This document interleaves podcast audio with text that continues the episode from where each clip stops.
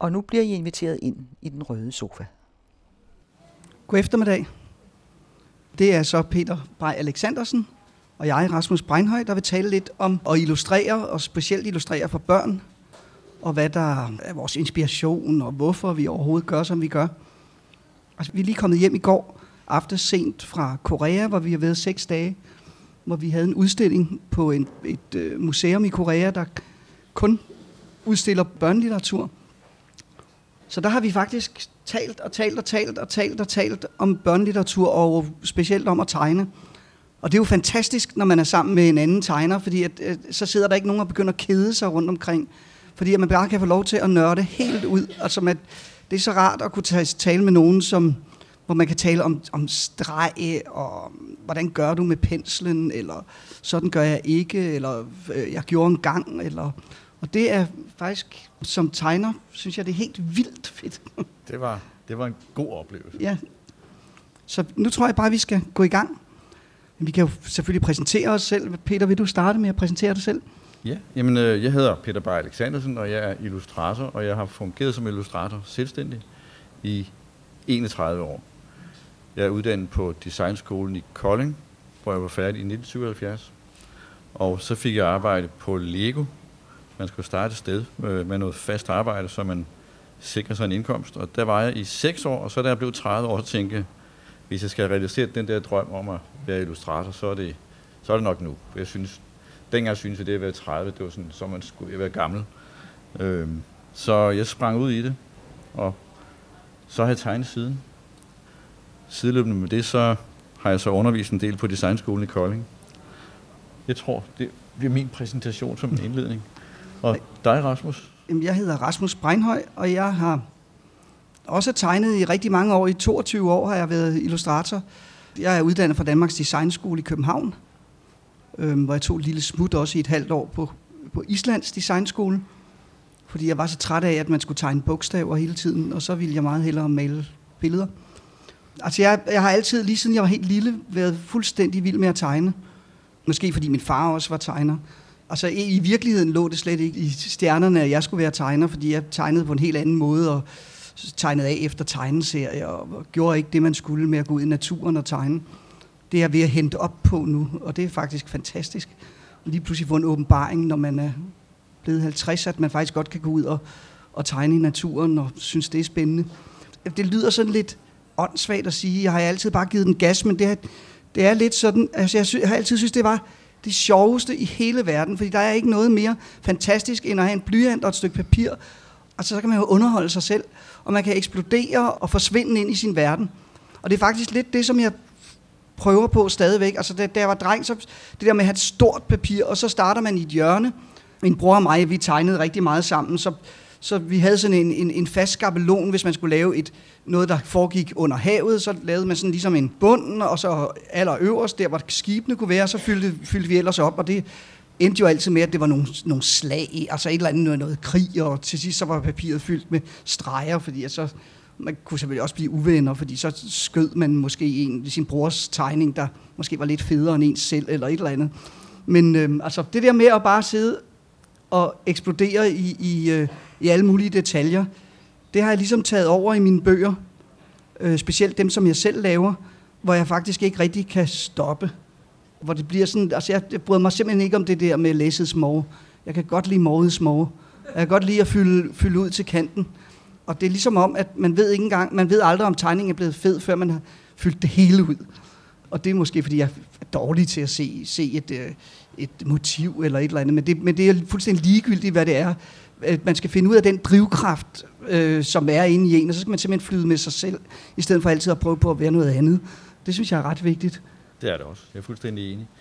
Noget af det, jeg synes var enormt spændende øh, ved at komme i snak med dig, Rasmus, for vi har ikke snakket så meget tidligere, som i hvert fald ikke i samme grad som nu på den her tur, det var at høre, hvordan det har været for dig at have en far, som var meget etableret som illustrator. Nu har jeg jo selv været etableret i, i 30 år, og jeg har to sønner, som er, som, som er illustratorer.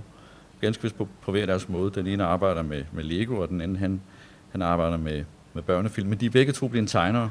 Og derfor er det lidt, lidt interessant for mig at høre om, øh, om det der med, at ens far er tegner. Hvad, hvordan påvirker det en på godt og ondt?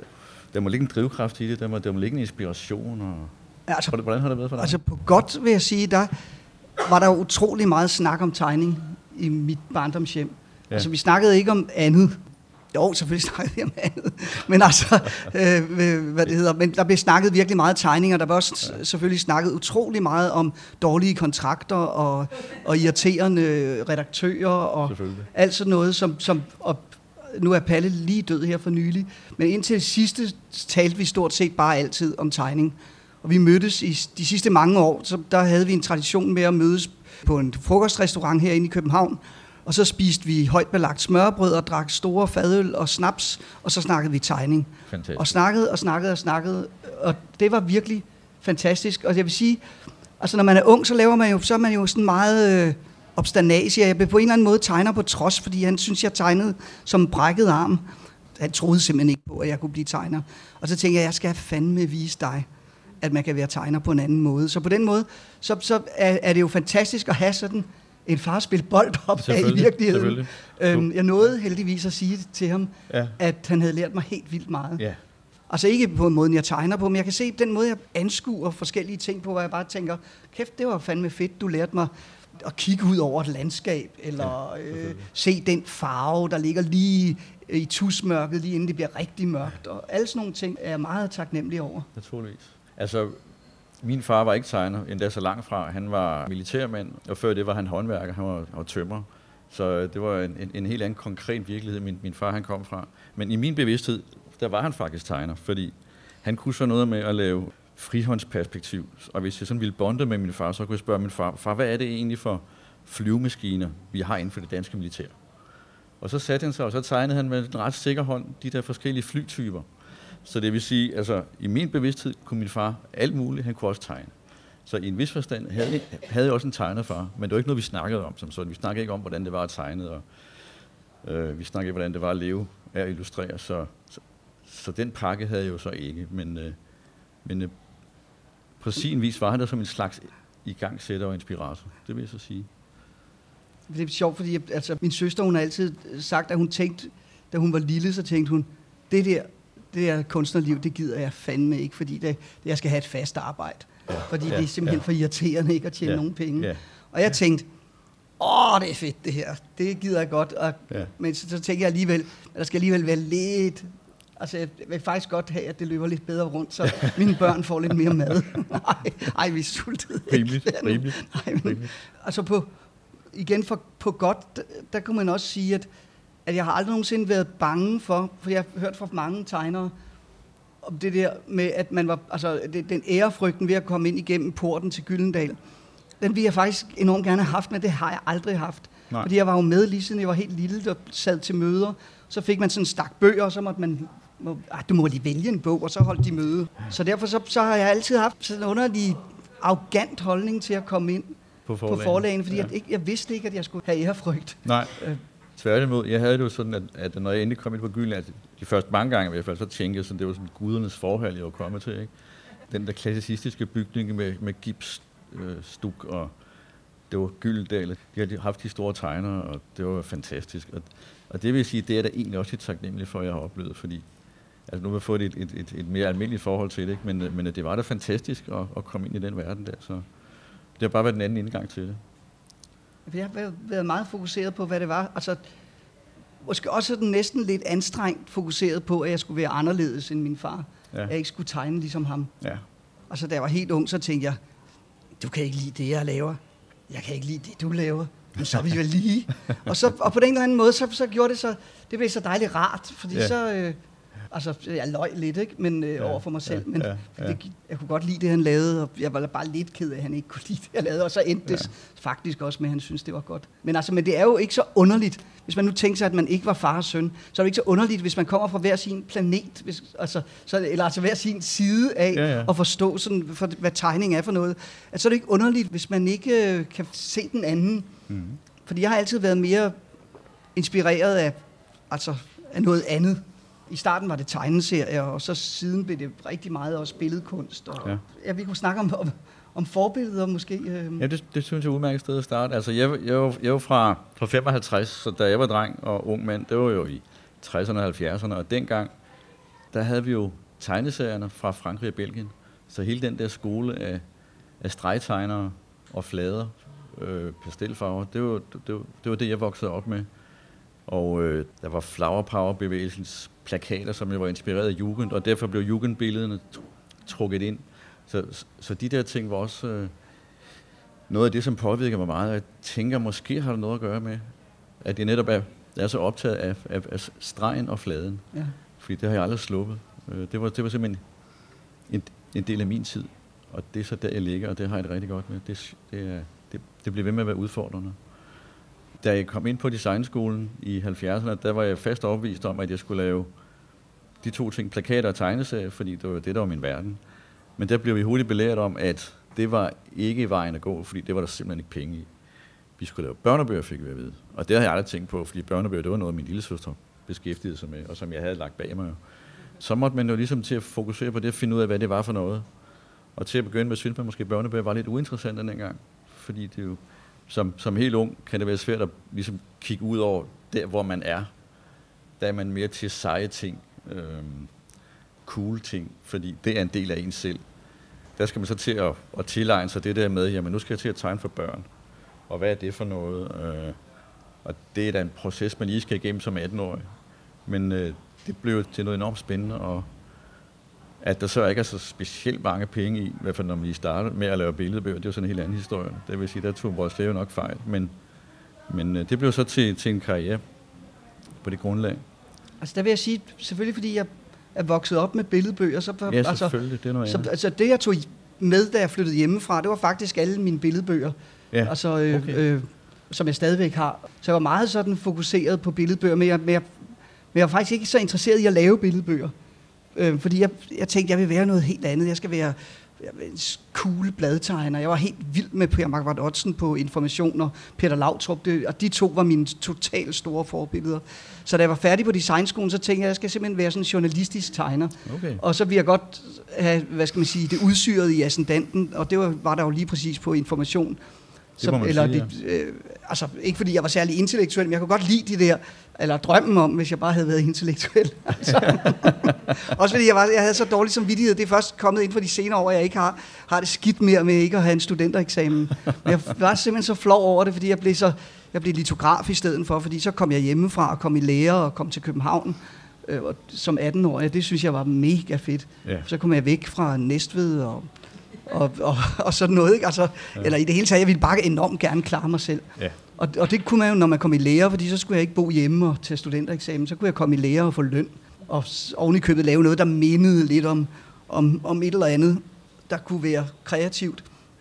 Øhm, og i hvert fald lære nogle færdigheder, som at skære i rødfolie og være helt præcis ja, ja, med nogle ting. Ja. Fordi det var, altså det er ikke det, jeg er, er mest perfekt til at være præcis. Men altså, så, så, kom, så søgte jeg ind på information, og, og havde et alt for stort, brunt, meget grimt, dobbeltrejet jakkesæt på, fordi jeg tænkte, at man skal nok have jakkesæt på, når man, når man, når man søger sådan et arbejde. Og Lasse Ellegaard, han sagde, Ej, jeg skulle lige ved ikke at ansætte dig med det der, det der grimme jakkesæt. men så, hvad det hedder, så fik jeg faktisk, altså jeg blev ikke ansat, men jeg blev freelance-tegner. Og det var jeg i to og et halvt år, og det var sindssygt fedt. Det var og, altså en skøn verden, hvor det lige pludselig var det var under øh, krigen i Bosnien, og, og jeg illustrerede en sommer alle Jens Dages artikler til, hvad det hedder, og det var, altså jeg kunne simpelthen ikke have det sjovere og mere fantastisk, fordi jeg tænkte, åh, oh, det, det er simpelthen det her, jeg skal lave. Ja.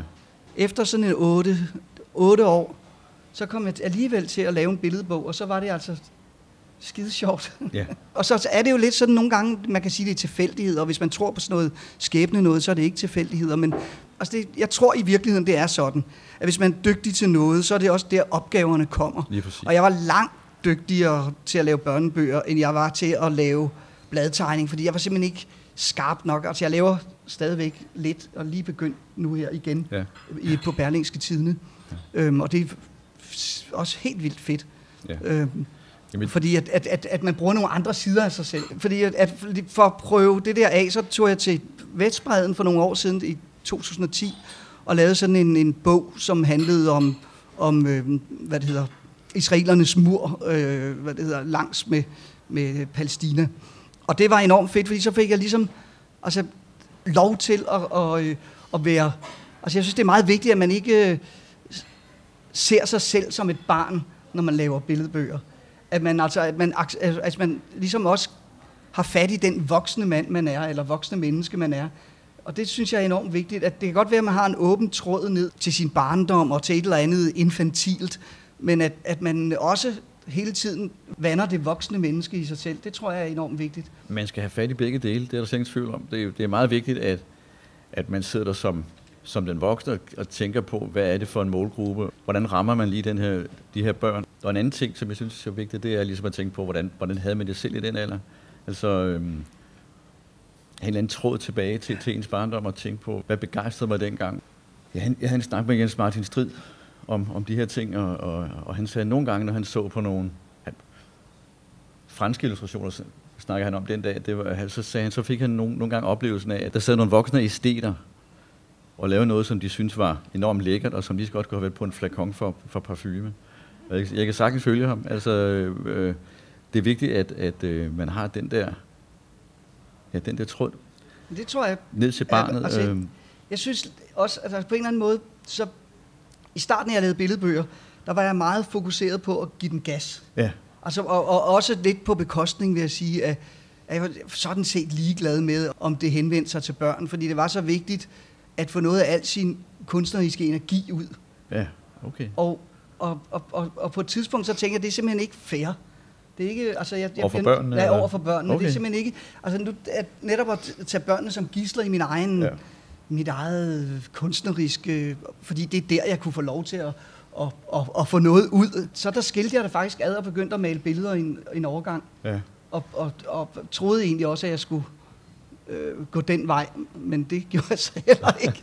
Men, altså, men det var fantastisk, fordi så fandt jeg ud af. Du fik afløb der. jeg fik afløb, og, det, og jeg fandt ud af, at altså, da jeg så ligesom kom tilbage, det var en, en 3-4 år, hvor jeg, hvor jeg malede store malerier, øhm, eller, altså, og, og var sådan vild på sådan en måde, jeg gerne ville være det på.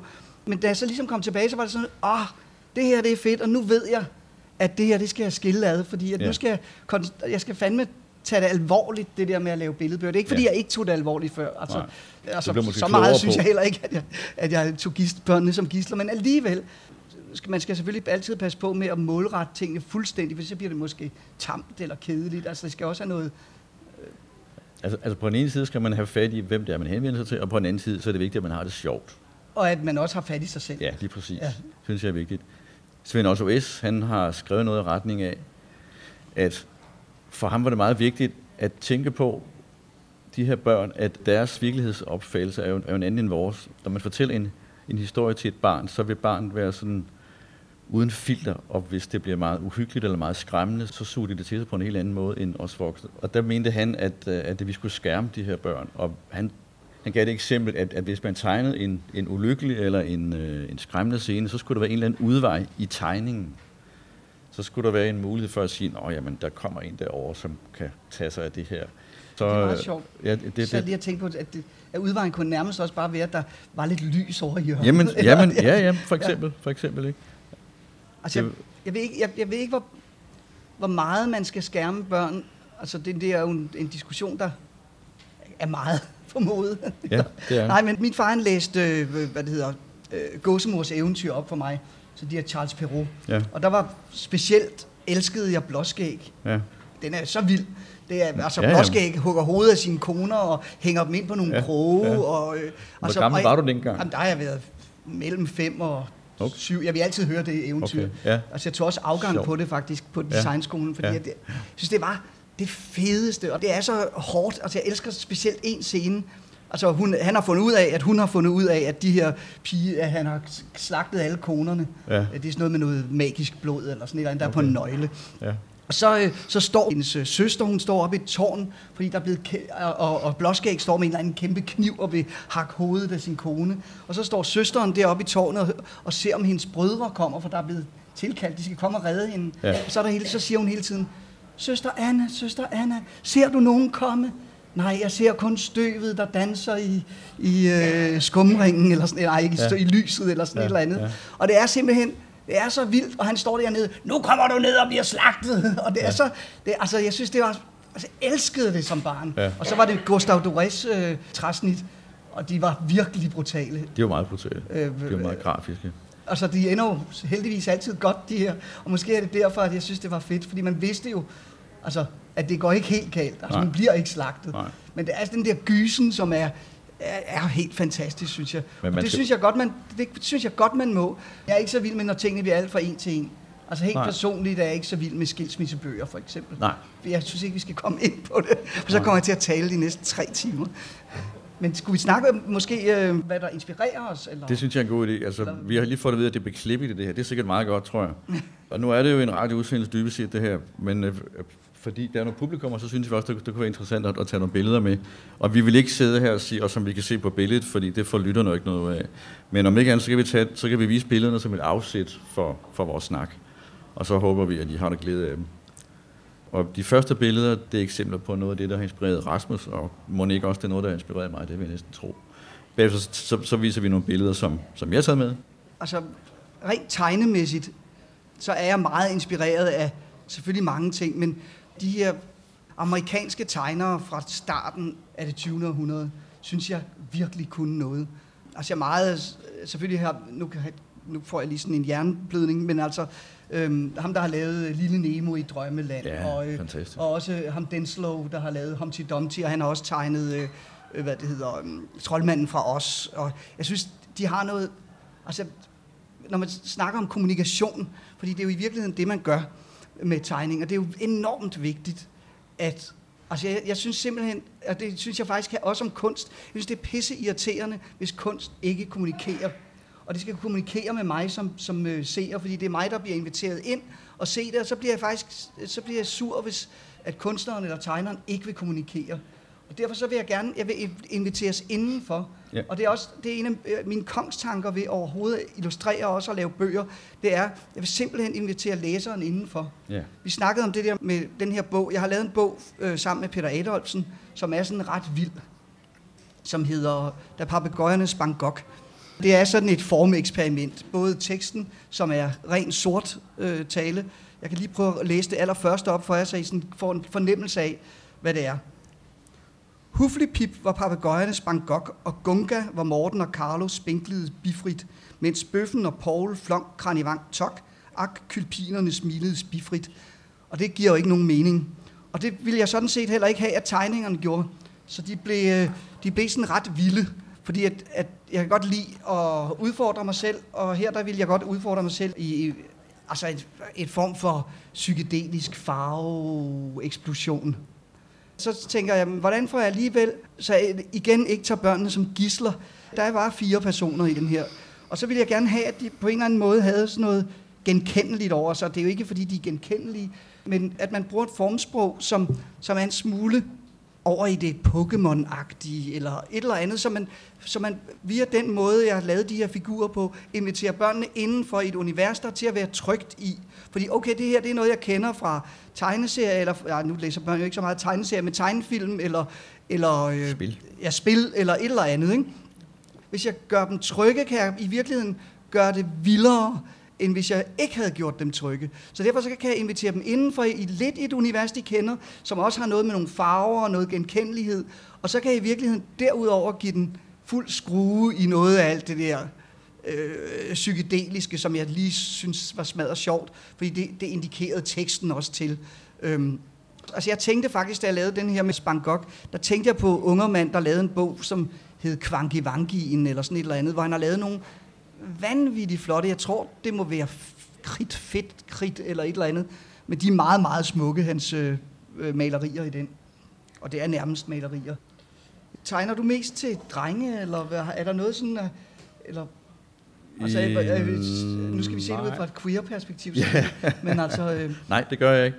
Altså, der er jo tegnere, som, som, som tegner fantasybøger, der kan man sige, det er jo så, så de drengetegnere. Der er nogle, der er nogle tegnere, som, er, som har spillet fodbold som dreng, og så er det selvfølgelig oplagt. er der ikke også rigtig mange piger, der læser fantasy?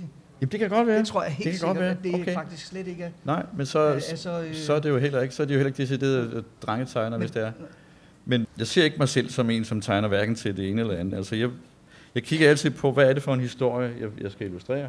Hvad er det for en stemning, der er i? Hvad, er der noget, jeg skal understrege? Er der, hvad vil forfatteren, mig og, og, og læseren? Øh, Og hvis det er en decideret drengeting, jamen så bliver det jo til det. Men, men jeg har aldrig set mig selv som sådan. Og jeg vil også sige, hvis der kommer en, en bog om fodbold, så vil jeg nok sige nej til den, for det har aldrig interesseret mig med fodbold. Øh, men jeg hvis, tror, det, men, men, det er heller ikke vildt, fordi jeg, nej. Det, er, det er så svært at tegne fodboldstøvler. Øhm. Det er det jo også. Der er så mange knopper. Nej, men jamen også mere fordi, at, at, at, øh, jeg vil tro, at dem, der vil læse fodboldbøger, de ville være ret opmærksom på, ja. at det var den rigtige fodboldsko. Ja øh, eller støvle, og, ja. og, og det er jeg ikke sikker på, at vi finder ud af. Nej. Så vil jeg finde, google noget på nettet, og så vil jeg garanteret komme til at tegne den forkerte. Det har jeg gjort øh, en gang. Jeg skulle ja. en gang lave fire bøger, som handlede om en dreng, der havde fået en racercykel. Og så kiggede jeg på en masse billeder af racercykler, og så, da jeg så afleverede de her tegninger, så gjorde forfatteren mig opmærksom på, at jeg havde skiftet imellem to geartyper på, på hver anden tegning. Og så var det forfra. Ikke? Det var ikke sjovt. Hvis jeg nu havde cyklet på racercykel, så havde jeg været fuldstændig ja. klar over sådan noget. Ikke? Vi snakkede om på et tidspunkt, øh, her mens vi har været ude at rejse, at, øh, at det der med, at du laver tit øh, i de der universer, altså hvor, du, øh, hvor det foregår netop i, i, i, hvad skal man sige, i Dickens land, eller ja. i øh, 1600-tallet, eller, altså hvor du er meget fascineret af det der med, at du skal lave en masse research og klæder, og alle de her ting skal være, ja. være rigtige. Ja. Øh, altså, og det synes jeg, det er ret fascineret af, at jeg kan godt se at, at på dine tegninger, at du elsker det simpelthen. Jeg kan se, at, at, at der er en sådan stor forkærlighed for, at det skal være rigtigt. Altså, jeg ville godt kunne gøre det, men jeg ville synes, det var helt urimeligt hårdt. Ja. Fordi at, at jeg simpelthen ikke rigtig vil, vi ikke, altså, jeg, jeg er jo meget glad for det der med at, at, at, at, at beskrive nutiden. Jeg kan godt lide at, at det kan godt være, at det er med noget mærkeligt noget, men jeg kan godt lide, at man altid kan mærke, at det er nu, og, ja. eller byen kan jeg jo rigtig godt lide at tegne. Men det er også en øhm, kvalitet, synes jeg. Altså, altså når man ser din, øh, din tegning, så kan man ofte genkende nogle facader fra Nørrebro, eller man kan genkende, øh, så har du øh, noget fra Ørstedsparken. Altså, og det der med, det er jo det der, og det kender, og det er sådan, det er. Det ligger der en stor kvalitet i, hvor jeg jo netop er meget fascineret af fortiden. Sådan har det altid været. Jeg kan huske, øh, i 9. klasse, tror jeg det var, der læste vores tysklærer op ad gengældelsesveje af Karl Bliksen. Ja. Og jeg var sådan lidt forvirret, for jeg, jeg, jeg kunne ikke finde ud af, hvilken tid det foregik i. Jeg kunne høre på det hele, at det var, det var, det var historie, i en historisk tid. Og så jeg, jeg rakte hånden op og spurgte læreren, hvad for noget tøj går de i, de her? Fordi hvis hun fortalte mig, at de gik i knæbukser, så var jeg sådan, ah, så var det der, vi var. Jeg har altid haft en fascination af, at, at øh, dengang så det sådan ud. Så når jeg skal starte på en, øh, en bog, som foregår i en, en, en anden tid end vores egen, så er jeg ude og, og og finde en masse billedmateriale. Så laver jeg nogle mapper i min computer, så finder jeg om, okay, vi har, nu siger vi 1680, så finder jeg nogle malerier fra den gang, så kan jeg sige tøj i den mappe der, øh, bygninger i den mappe, interiører i den mappe, sådan at jeg har styr på de ting der. Så jeg ved, at det, jeg laver, det, det, det er sådan cirka rigtigt. Ja. Jeg kunne egentlig godt tænke mig at snakke lidt om øh, den seneste opgave, jeg har lavet. En bog, som kommer. Er det noget, jeg kan hoppe ja, frem Ja, hvis vi lige hopper lidt frem til det. For halvandet år siden, tror jeg, læste en bog af, af, af Kim Leine, som hedder Profilerne fra Evighedsfjorden, og blev blæst bagover af hans, hans evne til at beskrive og fortælle i det hele taget. Og, og noget af det, jeg blev særlig fascineret af, det var hans, øh, han beskrivelse af det gamle København. Og der er jeg så tilbage igen, det der med min fascination af det historiske. Og jeg fik så den idé, at hvis han nogensinde skulle lave en bog for børn, så skulle jeg altså bare illustrere den. Det kunne jeg godt tænke mig, for jeg synes, det var så fantastisk, det han skrev. Og så gik jeg tykke lidt på den idé, og så, øhm, så sendte jeg en mail til ham. Og så vedlagde jeg nogle billeder af det, som jeg var allermest stolt af. Og så tænkte jeg sådan, det gider han nok ikke være med til. Han er jo så dygtig. Øh, men så skrev han tilbage i løbet af et par dage, det vil han gerne. Og så tænkte jeg, hold nu op, mand. Og så tror jeg, jeg dansede i 10 minutter og sådan noget. Og, og så blev vi enige om, at vi ville lave en, øh, en stor fortælling, og jeg synes, spurgte til, om vi kunne henlægge den i noget historisk, og jeg sagde, at jeg kunne godt lide Dickens fortælling om børn, det der med et barn, der var udsat og skulle klare sig selv. Og, og vi havde, havde nogle møder, og vi snakkede frem og tilbage, og så på et tidspunkt så kunne jeg mærke, at nu skulle Kim ikke snakke så meget mere, nu skulle han skrive. Og, og så gik der noget tid, og, og han skrev, og han ville ikke vise noget før, at, at det var færdigt. For han synes, det var vigtigt, at jeg fik den der oplevelse af, at jeg skulle læse uden at, at vide noget om, hvad det var for en, en, en, en fortælling, vi fik. Og da jeg så fik den, så blev jeg så glad. Fordi det er en fantastisk fortælling. Skovpigen Skærv hedder den, og det handler om en øh, pige, som bor i en dyb skov med sin far og mor og sin lillebror. Og på et tidspunkt så bliver forældrene nødt til at forlade den her pige i deres hjem, fordi de ved, at de vil blive øh, taget som en slags arbejdsslaver, fordi fyrsten i området, Han er bange for pesten, og han vil have et slot, hvor han kan trække sig tilbage til og være i beskyttelse. Så det handler altså om den her pige og hans lillebror, og på den måde bliver det nærmest en slags Robinsonade, hvor at, øh, man følger pigen leve det her liv. Jeg ved, at han var blandt andet inspireret af Laura Ingalls Wilder, Det lille hus i prærien, hvor der er jo de her lange beskrivelser af, hvordan man levede dengang, hvordan man samlede sammen, hvordan man slagtede dyrene og tørrede dem. Og, og de, der, de der beskrivelser er der rigtig meget af. Han var også meget fascineret af, af Brøden Løvehjerte, som man også godt kan mærke i, så vil jeg ikke sige mere, for der skal være nogle overraskelser. Og han var inspireret af Franeløs. Det er en spændende, og det er en poetisk, og det er også en meget alvorlig bog, som tager fat i det onde i livet. Døden spiller en rolle, og det er jo egentlig noget nyt for mig, altså at tage, have fat i en bog, som, som har den alvor. Hvordan søren griber man det an, sådan at, at det bliver formidlet, og at det ikke bare bliver noget pjat. At, at det der store med det onde i livet, det kommer med. Øh, og jeg kredsede meget rundt om det, og jeg, jeg var sådan, hvordan søren gør jeg det her? Fordi det, det, det, det store projekt, jeg havde lavet for inden, det var jo Axel og Mus, som jeg var så heldig at få Blixenprisen for, og det, det er jo også noget historisk, men den er mere sådan pjattet. De figurer, der er der i, er meget karikerede. Det, de er bundet i en realisme, men, men øh, de voksne, her, de, de, de er meget karikerede. Det vil jo være skrubforkert at lave det i sådan en bog, hvor at døden spillede en rolle. Og så er der jo en, en, en masse naturbeskrivelser i, selvfølgelig, fordi den foregår i en skov. Så det skulle jeg have med. Og så, så så jeg en øh, udstilling på Storm P-museet med Torvald Kielsen, som jo var meget fascineret af, af hans lands natur. Og øh, han havde også noget tungt med, han havde noget med trolde, og han havde... Det er igen det der fra starten af det 20. århundrede. Det er det nemlig. De er så sindssygt gode på det de er, tidspunkt. De er så altså. dygtige, ikke? De er så dygtige. Så jeg tænkte, det der med at skildre naturen med det mørke, noget med sorte moser og øh, dybe skove og spejlinger i vand og dis hen over en skovbund. Og sådan. Det var sgu nok der, jeg skulle lægge den. Øh, og så kiggede jeg mere på de der ældre tegnere, John Bauer. Og en ting, en ting, jeg hæftede mig ved den tegner, det er hans interesse for det lodrette vandrette, at placere en, en figur, som ikke er særlig stor på formatet, og så havde de her lodrette vandrette, øh, vandrette med, med, det kunne være sten, det dannede en baggrund, og så de lodrette træstammer. Og så tænkte jeg, nu er jeg ved at være på spor eller noget. Og så lavede jeg en tegning af Skav, som, som trækker øh, sin lillebror, som sidder på et æsel. Og nu har jeg fortalt det her med det lodret vandrette, øh, med, med stor natur, en, et lille billede, eller en, en, en, lille, en lille person placeret, så kan I godt forstå, hvad jeg mener med, at jeg trækker inspiration for, for den generations tegnere. Og så tænker jeg, nu er den der. Det er det spor, jeg skal ind på. En anden ting, der er med, det er, at døden er repræsenteret med en ravn, som flakser omkring pigen skærv hele tiden, og hun er skide bange for den.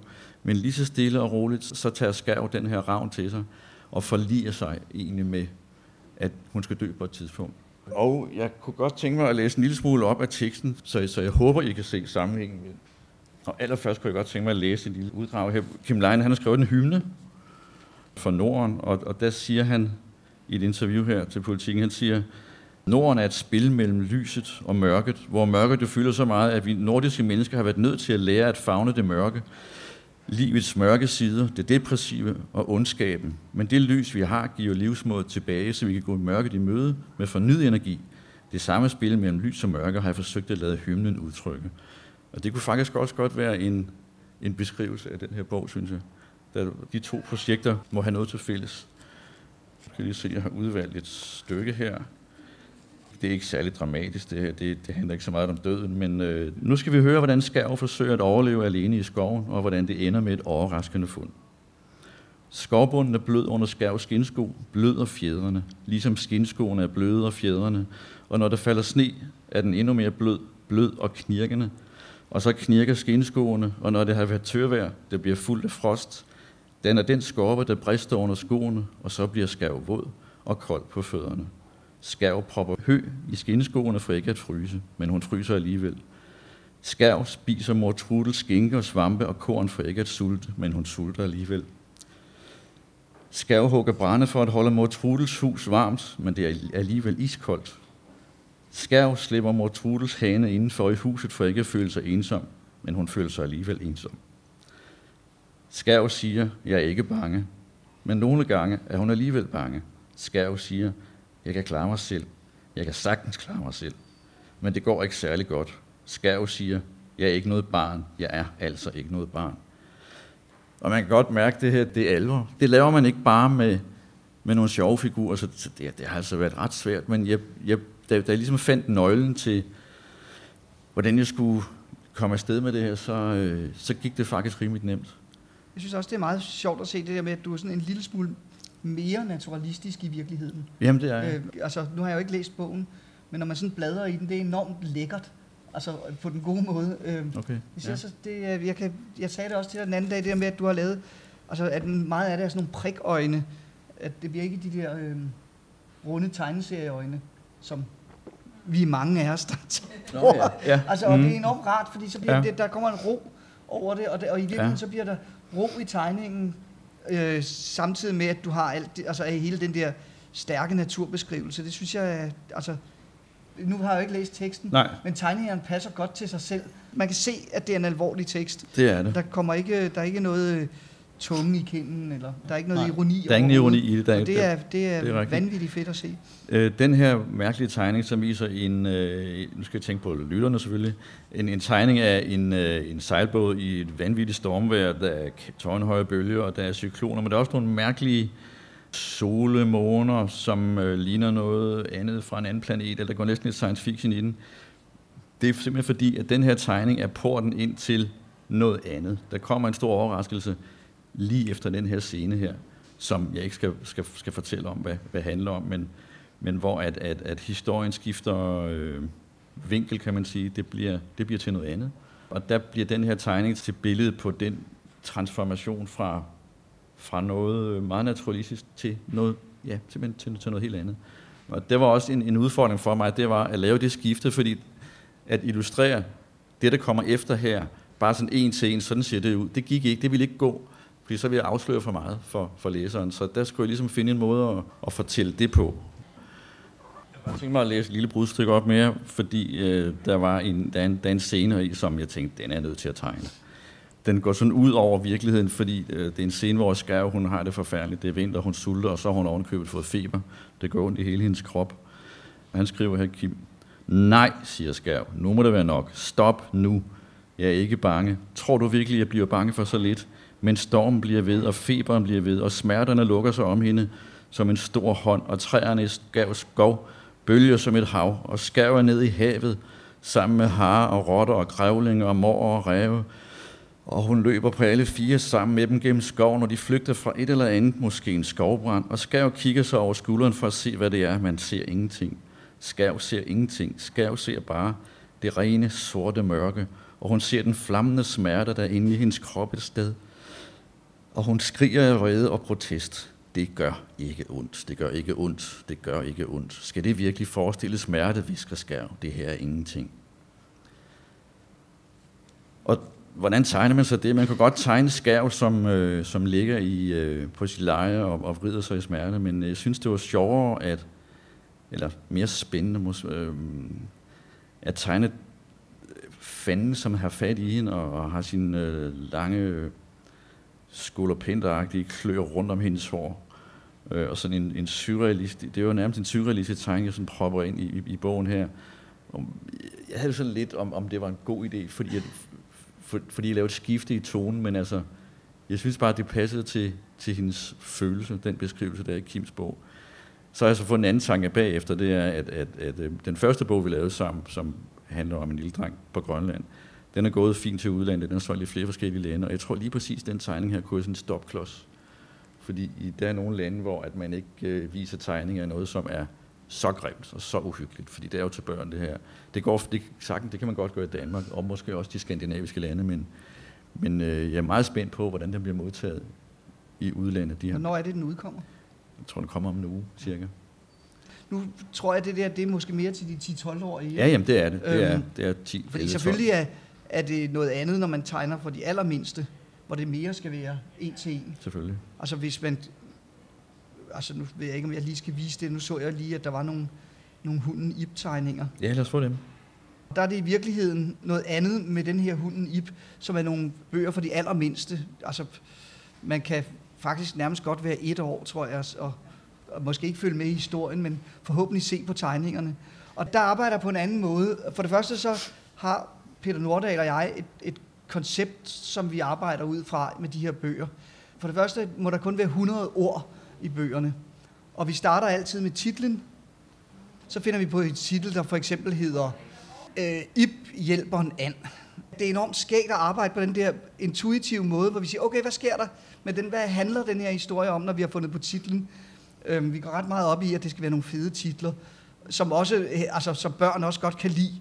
Altså, der, der, der er lige kommet en, der hedder Ip tager den skarpe sav. Jeg synes, det er en mega fed titel. Fordi at man som barn, så tænker man, åh, det her, det bliver altså virkelig, virkelig spændende. Ikke? Og her der Ip hjælper en and. Der, der kan jeg godt lide at lave det meget enkelt. Nu er det måske, øh, den her sådan lidt mere naturbeskrivende, men at, at man, man skal kunne følge med i historien. Det skal være sådan, at uden at læse den, så er du alligevel med. Så, så, og jeg har det tit haft det sådan, nu prøver, jeg prøver faktisk lidt at udfordre mig selv, men ellers har jeg haft det sådan, at, at i-bøgerne skulle være lidt ligesom sådan et, et, et, øh, et dukketeater, hvor alt det, at der er ikke noget med nogle høje, at, at der kommer, at kameraet kører op eller ned, eller nærbilleder eller noget som helst. Man, har, man sætter ligesom en scene, og så kommer de forskellige aktører ind og går ud af scenen. Jeg har altid sådan, når jeg laver sådan, for eksempel sådan en, en naturbeskrivelse der, eller sådan en sø, så ved jeg faktisk godt, hvor det er. Jeg ved, at det der, det er altså nede ved Lyngby Sø, eller Bagsvær Sø. Altså, jeg, det er ikke, fordi jeg har taget ned og, og tegnet, men jeg ved altid, fordi så, hvis jeg kan huske et eller andet sted, tit er det selvfølgelig noget fra ens barndom, eller et eller andet sted, man har været, eller et hjem, man kommer i, eller Altså, fordi så, så ved jeg altid, når okay, nu ved jeg, hvordan der ser ud i det køkken, eller jeg kan lige så godt tage den her scene fra Bagsvær Sø. Jeg er ikke sikker på, at det, hvis vi tog det hen og så på Bagsværsø, at man så kunne se det. Men øh, jeg forestiller mig det i hvert fald. Jeg kan huske, at jeg var der. Men der ligger i øvrigt også en, en form for sådan naturalisme i, i, i sådan noget som det her. Altså det, på den måde er vi jo ikke så, er vi ikke så forskellige nej, nej, heller. Nej. Fordi at, at, at jeg tager faktisk også altid udgangspunkt i, at jeg vil godt have, at, at det virker som om, at mine billeder de er findes i verden. Ja, lige præcis. Øh, selv når det er også er noget af det mere sådan... Seer. Seer. Ja. Øh, så, så der tager det baggrund i en eller anden form for naturalisme. Vi kunne se, da det ja. hang i øh, Solia ja. på museet, der, ikke? at, at øh, de var beslægtet på sin vis. Ja. Altså, der, der var en anden udstilling med, med, med, med tegnere, som havde været udstillet i Paris, som var fra, fra forskellige lande, og, og jeg var ikke i tvivl om, at altså, hvis vores tegner var, var blevet blandet med dem, så ville man ikke være i tvivl om, at vi var på en eller anden måde fra... Fra det samme land, nej. Nej, fra det samme land. Der var, der, der, var, der var i høj grad et fællesskab, selvom vi, som I nu har snakket om, er meget forskellige i vores måde sådan at angribe tegningen på. Ikke? I mødte illustratorerne Rasmus Breinhøj og Peter Bay Alexandersen i den røde sofa, som står på Hovedbiblioteket i København.